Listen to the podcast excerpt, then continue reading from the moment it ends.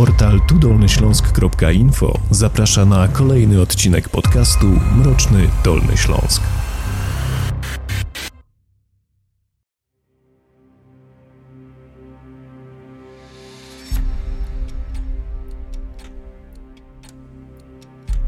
Agnieszka miała 24 lata, szansę na światową karierę, wspaniałego męża i ukochaną córeczkę.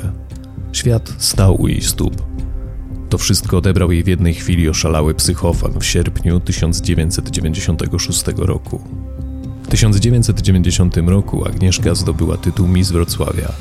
Podczas tego konkursu poznała o 13 lat starszego organizatora wyborów Jarosława Świątka. Rok później byli już parą i planowali wspólną przyszłość. Modelka odniosła kolejny sukces.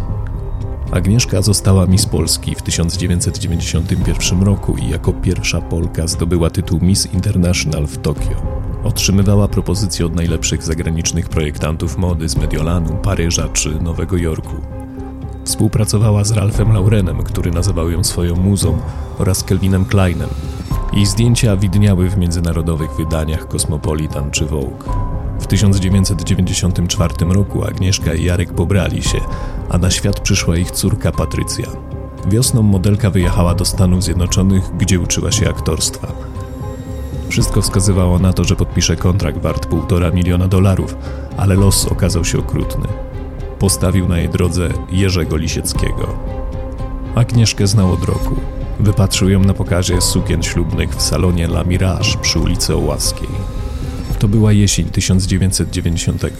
Po tym pokazie wiedziałem, gdzie chodzi do szkoły, jakim autobusem jeździ do domu. Ona też zauważyła, że jakiś mężczyzna ją obserwuje, że jest nią zainteresowany. Przyjechaliśmy autobusem, odprowadziłem ją do domu. Rozmawialiśmy o zwykłych rzeczach, kogo znamy. Chodziliśmy w końcu do jednej szkoły. Weszła wtedy do swojej klatki i tyle. Mówił Lisiecki w filmie dokumentalnym Będę cię kochał aż do śmierci. Kiedy zapytał, czy spotka ją jeszcze, wymówiła się zajęciami. Następnym razem na jego widok uciekła. Wysłał jej trzy listy o krasnoludku ufolutku. Chodził pod jej dom. Warował godzinami, czekając, aż się pojawi. Jerzy chciał się z nią widywać, ale Agnieszka odmawiała, a każda rozmowa zachęcała go do walki o jej względy. Zauroczenie z biegiem czasu przerodziło się w obsesję. Wystarczyło podejść i porozmawiać, jednak była jakaś bariera, to mnie przyciągało. To nie chodzi o to, żeby być razem, tylko żeby ta osoba przyjęła, że ma gorącego fana. Ona może to zaakceptować albo nie, wspominał Lisiecki.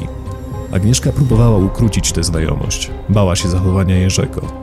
Po kilku latach wysłał do niej dwa listy. W jednym z nich wyznał jej swą miłość i oświadczył się. Modelka była wówczas w szczęśliwym związku.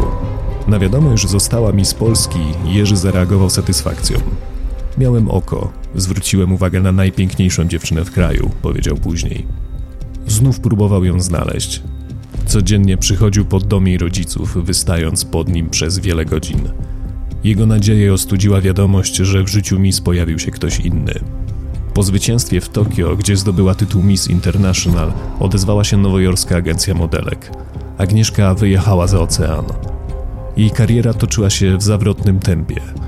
Otwierała pokazy, uczestniczyła w sesjach zdjęciowych na całym świecie. Mieszkała w Stanach wraz ze swoją miłością Jarkiem. Wszystko układało się wspaniale. W kwietniu 1993 roku Agnieszka zaszła w ciążę, a 18 czerwca wzięła ślub z Jarosławem w nowojorskim ratuszu. 12 grudnia 1993 roku we Wrocławiu urodziła córkę Patrycję. Na stałe do Polski wrócili w grudniu 1994 i zamieszkali w nowym domu na wrocławskich Maślicach. W lipcu 1996 roku Kotlarska miała lecieć na sesję zdjęciową dla pisma Well do Nowego Jorku, a stamtąd wraz z fotografem Rico Pullmanem na kolejną do Paryża dla włoskiego magazynu Amica. Jednak kiedy nowojorska sesja została przesunięta, jej mąż zaproponował, żeby leciała z Paryża do Polski. I to uratowało jej życie przynajmniej na chwilę. 18 lipca samolot z Nowego Jorku do Paryża, w którym miała lecieć, eksplodował tuż przy starcie. Zginęli wszyscy na pokładzie, w tym Pullman. Gdy zobaczyłem małą wzmiankę w prasie o katastrofie, w której mogła zginąć, te dawne przeżycia odżyły i znowu zacząłem szukać. Nie trzeba było Jamesa Bonda, żeby kogoś znaleźć. Książka telefoniczna, numer i adres. Bingo. opowiadał Jerzy. Agnieszka otrzymywała od niego kolejne telefony. Odmawiała, gdy proponował spotkanie. Próbowała go zignorować, ale wystraszyła się, gdy w słuchawce usłyszała: Zmarnowałaś mi życie.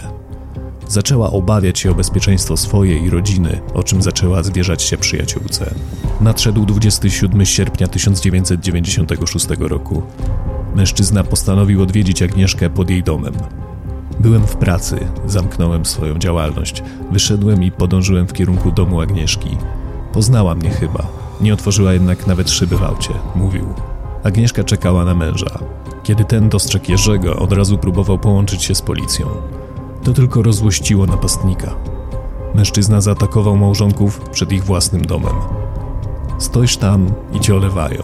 Próbuję coś mówić, a tu mnie olewają. Ja chciałem tylko porozmawiać, a on zaczął wzywać policję. Zawsze nosiłem przy sobie nóż czy scyzoryk, więc go wyciągnąłem.